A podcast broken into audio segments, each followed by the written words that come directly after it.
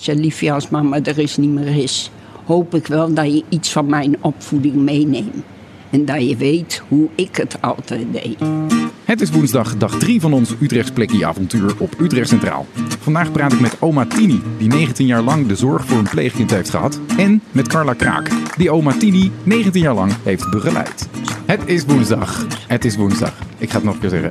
Het is woensdag, dag 3 van ons pop-up store avontuur. Zit me nou uit te leggen, oma Tini? Eh, we zitten hier eh, eh, op dag 3 dus van ons uh, Utrechts Plekkie pop-up avontuur. Uh, en aangeschoven is, uh, je hoorde er net al even lachen, oma Tini. Maar niet alleen oma Tini, ook Carla is erbij. Ja. Carla is van Koos. Koos, ja. Uh, en we gaan het hebben over, we hebben koffie gezeten, hè? want het is ook, we hebben een, een koffieochtend. Ja. Gezellig. Gezellig. Ah. oma Tini, waarom ben jij hier aangeschoven? Ik ben hier aangeschoven omdat ik een pleegzoon heb al 19 jaar. Al 19 jaar? 19 jaar. En hoe oud was hij toen je hem in huis kreeg? Zes weken oud. Zes een babytje? Ja, heel lief babytje. En daar heb je 19 jaar lang voor gezorgd? Ja. En ik heb net begrepen dat hij sinds kort nu een beetje zelfstandig gaat wonen, hè? Of in Ja. ieder geval niet meer bij jou Ik hoop woont. dat hij een goede plek krijgt. ja. Ja. Daar zijn we heel druk mee bezig, hè? Ja. ja, en dat is ook wel een beetje moeilijk voor je? Daar Ja, heel moeilijk. net- een klein beetje over gehad. Oh, ik mag het er helemaal niet over hebben. Nee. Nou, dan ga ik gewoon meteen over naar Carla. Carla, hoe gaat zoiets in zijn werk? Eh, want oma is natuurlijk nu 19 jaar lang al, Ja. hè? Zorgt ze voor een, een kind. Ja. Hartstikke mooi. En Ja. daar hebben we een hoop mensen voor nodig die dat ook willen doen.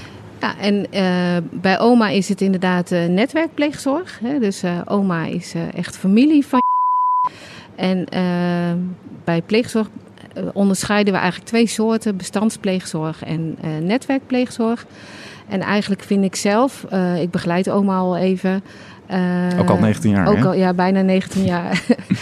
Ehm, het is ook mooi eh, als kinderen in een familie eh, terecht kunnen, omdat ze dichtbij blijven. En dat is ook wat we eigenlijk vooral bij Utrechts plekje zoeken.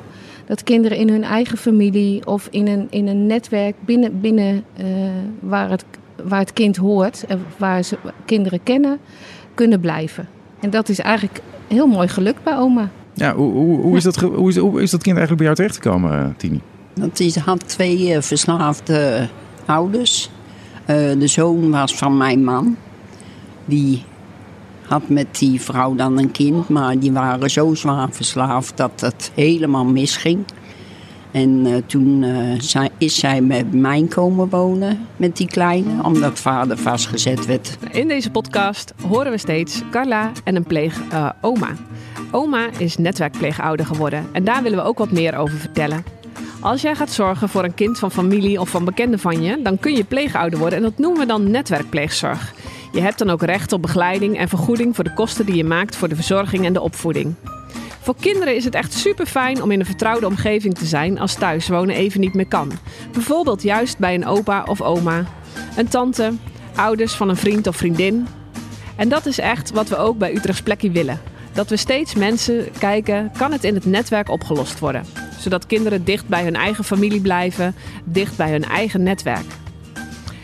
Heel vaak ehm, wordt dat ook wel eens onderling geregeld en gaat dat ook wel goed. En dan is het natuurlijk prima en hoeft het niet per se pleegzorg te worden. Maar soms is het helpend dat er toch een stuk begeleiding bij zit en een stukje vergoeding voor alle kosten die je maakt rondom die verzorging en de opvoeding. In deze podcast hoor je meer over wat Carla en eh, oma, eh, netwerkoma, hierover vertellen. En ze vertellen eerst ook over hoe je netwerkpleegouder wordt. Wat is er dan? Wat gebeurt er? Waarom is het nodig? Waarom heeft het kind het nodig dat het niet meer thuis kan wonen? We gaan een stukje luisteren. Hoe is dat dan? Als je dan opeens, want dat is een, hele moeilijke situatie, neem ik aan. Als je, Ja, het was ook heel moeilijk, want ik had ook nog een winkel. En plus. En ook zelf nog kinderen. En zelf, nou, de meesten waren al uit huis, alleen mijn dochter was er nog. Hoe ging dat in die eerste periode? Want je hebt dan een kind van zes maanden, zei je? In Zes weken. Zes, we- oh, zes weken Ja. zelfs. Ja. Dat is nog, nog wat Ja, kleiner. dat was wel moeilijk. Maar ja, toen lag hij nog veel. Dus toen eh, was het nog makkelijker op te brengen als dat toen hij ging kruipen en eh, lopen. Toen ben, heb ik ook een bepaalde tijd de winkel eh, weggedaan, na twee jaar. Want er was ook iets eh, meer aan de hand, hè? Omdat hij een kind is van verslaafde ouders, had hij zelf ook iets. Ja, hij had uh, vastsyndroom en een achterstand. Ja. Een één hersendeel miste die. Dat was niet volgroeid door de drugs van de ouders. Dus hij is eigenlijk al niet heel erg fijn gestart in het leven. Nee, helemaal niet. Heel erg. En hoe, hoe kwam je erachter dat er iets met hem was? Nou, ik zag op een gegeven bepaalde manier zag ik het op de tv. En ik denk, nou, ik zie precies daarin uh, wat hij hebt. Dus toen heb ik Carla gebeld. En wat voor toen, dingen zag je dan? Ja, uh, heel druk en ineens opstandig. En, boze ja, buien. Hè? Boze buien, heel erg boze buien. En dan dacht ik, nou, hoe komt dat vandaan? En toen had ik dat op de televisie gezien. En toen dacht ik, hé, hey, dat heb hij. En toen ben je toen met naar de dokter gegaan? Nou, toen heb ik Carla opgebeld. Die is het voor mij uit gaan zoeken. En toen heb ze afspraak gemaakt in het Overvechtziekenhuis. Ja. En daar zijn we een paar keer geweest. En daar werd het ook vastgesteld. Want hoe gaat zoiets dan, Carla? Nou ja, we, uh, Tine heeft mij natuurlijk gebeld. En die zag uh, van, nou, uh, ik zie een aantal dingen bij, bij mijn pleegkind. en ik denk daaraan. Dus toen ben ik inderdaad ook verder uit gaan zoeken. En uh, een afspraak met de kinderarts uh, gemaakt. En uh, ja, je wil niet altijd overal etiketjes op plakken. Maar het is wel fijn op een gegeven moment dat je weet waar gedrag op een gegeven moment vandaan komt. Ja. En, en zo zijn we samen, hè, Tine, op pad gegaan Ja. om, uh, om voor je goed te kijken welke aanpak past nou het beste bij en wat kan jij uh, het beste aan hem bieden? En daar, daarna heeft Tine ook een cursus uh, gedaan. Ja, dat, dat wilde ik zeggen, want dat is nog wel een taak die je dan op je neemt opeens mm -hmm. voor zo'n kind. Dat is niet zomaar, het is al heel lastig denk ik. Een als je cursus. Dat... Ja, een cursus. Om een kind groot te brengen. Ja, ja en je had er al drie groot gebracht. Ja. ja daar was Tine eigenlijk heel boos over. En ik was er ook heel boos over. Oh, ja? En dan zei ik, nou kom, zelf al drie kinderen, hoe kom je daar nou bij? Ja, wat moet ik nou nog leren? Ja, maar toen heb ik toch wel veel geleerd. Ja. Eigenlijk. Want het was toch wel een, andere, Wat niet een ander nodig kind. was bij mijn kinderen, maar wel bij Ja. En wat, Ja. wat voor dingen heb je daar geleerd dan die wel Nou, echt handig eh, waren? dat ik moest tellen en eh, Tot tien tellen. ja, en eh, Rustig blijven. Ja. rustig blijven, niet je stem verheffen.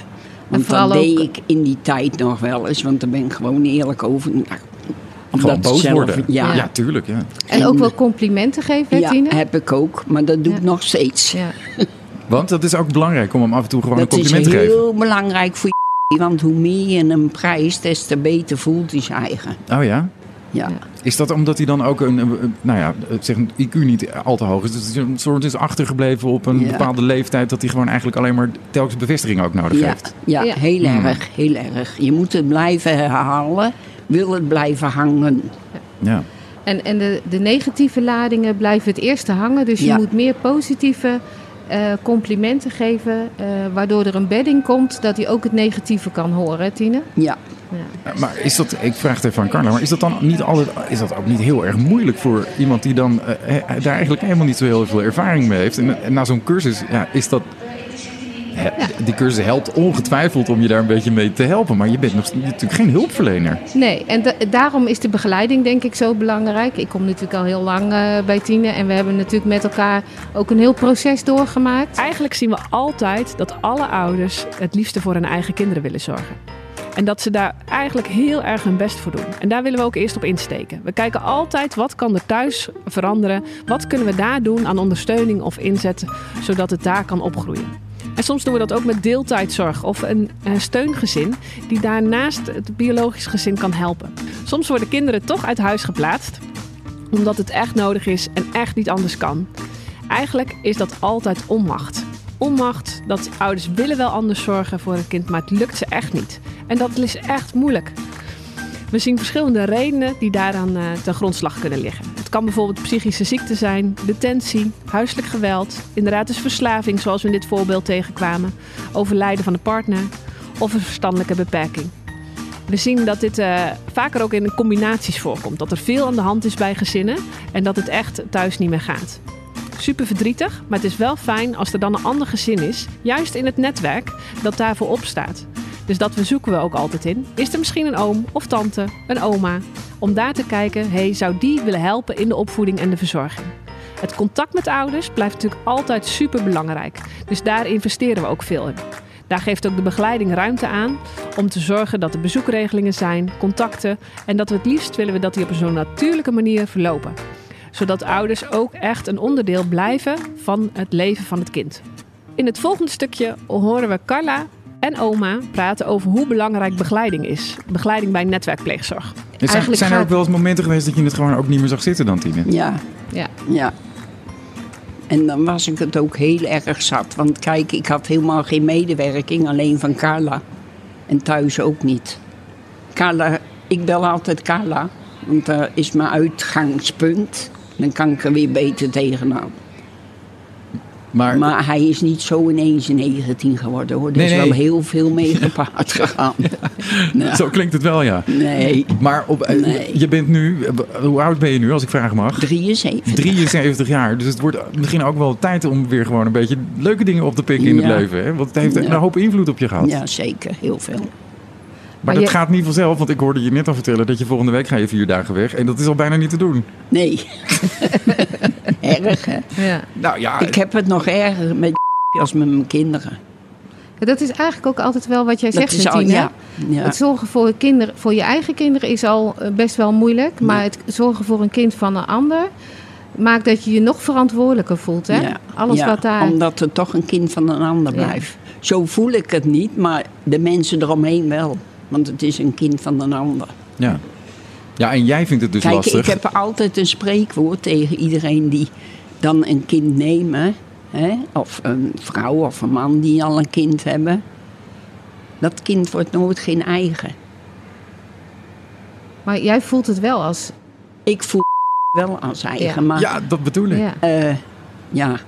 Nou, Daarom ik- denk ik dat je het ook zo vervelend vindt om volgende week nog vier dagen op vakantie te gaan. Toch? Dat is omdat Ja. het je als, als je Ja. zoon voelt. Maar ik denk dat wat jij bedoelt, Tine, is... hij voelt voor mij als mijn eigen kind. ja. Hè? En eh, hij hoort gewoon bij mij. Ik heb hem al 19 jaar in huis en hij voelt echt als eigen. Maar mensen zien toch, het is een kind van een ander. En daardoor voel je je extra verantwoordelijk om het goed te doen. Om het, Zoals je hoort in dit gesprek is dat het eh, zorgen voor een kind van een ander altijd wat meer vraagt, wat meer dan normaal. En hierin eh, vertellen oma en Carla eigenlijk heel mooi hoe belangrijk begeleiding is. Begeleiding die er gericht is om pleegouders goed te ondersteunen, zodat ze de dagelijkse zorg voor het pleegkind goed aankunnen. En we doen dat inderdaad door pleegzorgbegeleiding. Dat is een pleegzorgbegeleider die komt regelmatig bij je langs. Die is telefonisch vaak bereikbaar en wil je ondersteunen in al die dingen waar jij tegenaan loopt. Dat kan zijn in de begeleiding in de opvoeding, maar ook begeleiding bij problemen die veel voorkomen. Eh, soms zijn dat gedragsproblemen. Eh, vaak is er sprake van rouw bij een kind. Ehm, en ook in de contacten met de ouders willen we kijken hoe we dat zo goed mogelijk met elkaar kunnen doen, zodat er een gelijkwaardige samenwerking ontstaat. Dit is super belangrijk. En daarnaast bieden we dus ook, eh, zoals je hoort, cursussen aan eh, over thema's die spelen. Kan je meedoen aan een groep waarin je andere pleegouders ontmoet, zodat je daarin ook ziet: hé, hey, ik ben niet alleen als pleegouder.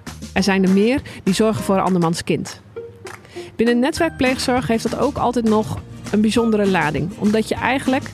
ehm, Oma kon hier niet altijd oma zijn. Oma moest ook wel eens eh, een soort de moederrol overnemen om de opvoeding vorm te geven voor dit pleegkind. En dan kom je met verschillende rollen terecht, eh, waarin je normaal als oma wat makkelijker kan zijn, misschien wat eerder wat lekkers meeneemt of wat meer verwendt. Is dat soms nu wat anders dat er nodig is voor je eigen kleinkind? Dat voelt soms dubbel en dat zijn bijvoorbeeld thema's die heel vaak in de begeleiding aan de orde komen. Waardoor we daarover doorpraten. Hoe is dat voor jou en hoe kan je hier het beste mee omgaan? En wat heeft jouw pleegkind nodig? En daarin eh, vind ik dat er mooie voorbeelden komen, ook over wat pleegkinderen nodig hebben. Dingen als structuur, liefde zijn natuurlijk altijd super belangrijk. En volhouden. Want je hoort in dit gesprek dat oma het best een beetje zwaar heeft. En dat het niet altijd makkelijk is. Maar toch heeft ze het wel gedaan. Oma is daar 19 jaar geweest. En in dit uitzonderlijke geval was er ook de pleegzorgbegeleiding 19 jaar lang. Om samen te ondersteunen en te kijken wat is er nodig in de opvoeding van het kind. En hoe kunnen we dit samen verder brengen. Ze hebben het volgehouden met elkaar en ze gaan ervoor om het nog verder vol te houden. Want 19, het is nog niet helemaal af. We kijken nog verder wat hij nodig heeft om echt te komen tot die zelfstandigheid. En wat heeft oma nodig om wat meer oma te kunnen zijn? En wat minder in die opvoedingsrol te kunnen stappen. Dit is netwerkpleegzorg. En ook bij Utrechts Plekkie gaan we daarvoor om de ondersteuning zo goed mogelijk te doen. Hoe vind je dat nu met hem gaat? ja. ik vind eigenlijk dat hij nou weer een beetje terug aan het vallen Ja, het, is. ging, het ging beter. Het totdat ging hij wist. beter. eh, eh, nu heeft hij natuurlijk even een, stukje onzekerheid over waar ga ik naartoe. Ja, Maar daarvoor ging het eigenlijk heel goed met hem. ja, Hè? ja. En hij, hij eh, accepteert ook beter dat hij onder begeleiding moet wonen. Ja. Ja.